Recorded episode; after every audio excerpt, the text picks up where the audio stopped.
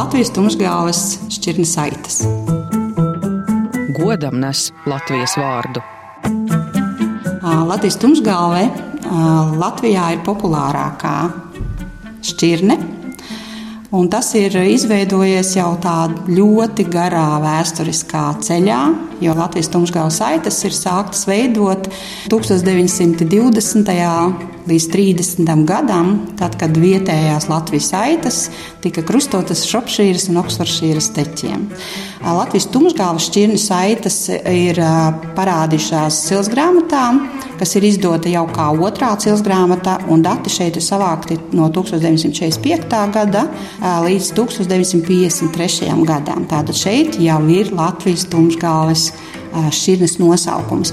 Un es gribētu teikt, ka nav Latvijai jāsatraucās par Latvijas tumšgāles šķirņu saitu nākotni, jo, manuprāt, viņi ir ļoti organiski iekļāvusies vispār Latvijas, ne tikai Latvijas, bet arī Eiropas šķirņu tādā klāstā, jo arī mūsu kolēģi Igauni un, un Lietuvas aitu audzētāji labprāt brauc pie mums un pērk vaisniekus.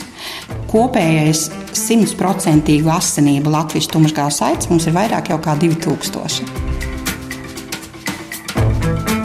Latvijas tumšgāla saita pēc nosaukuma jau ir skaidrs, ka viņai ir tumša galva, bet nav melna. Jā, jo tad mums būtu melngāla saits līdzīgi kā tas ir Lietuvas melngāla saits, bet mums ir tumšgalve.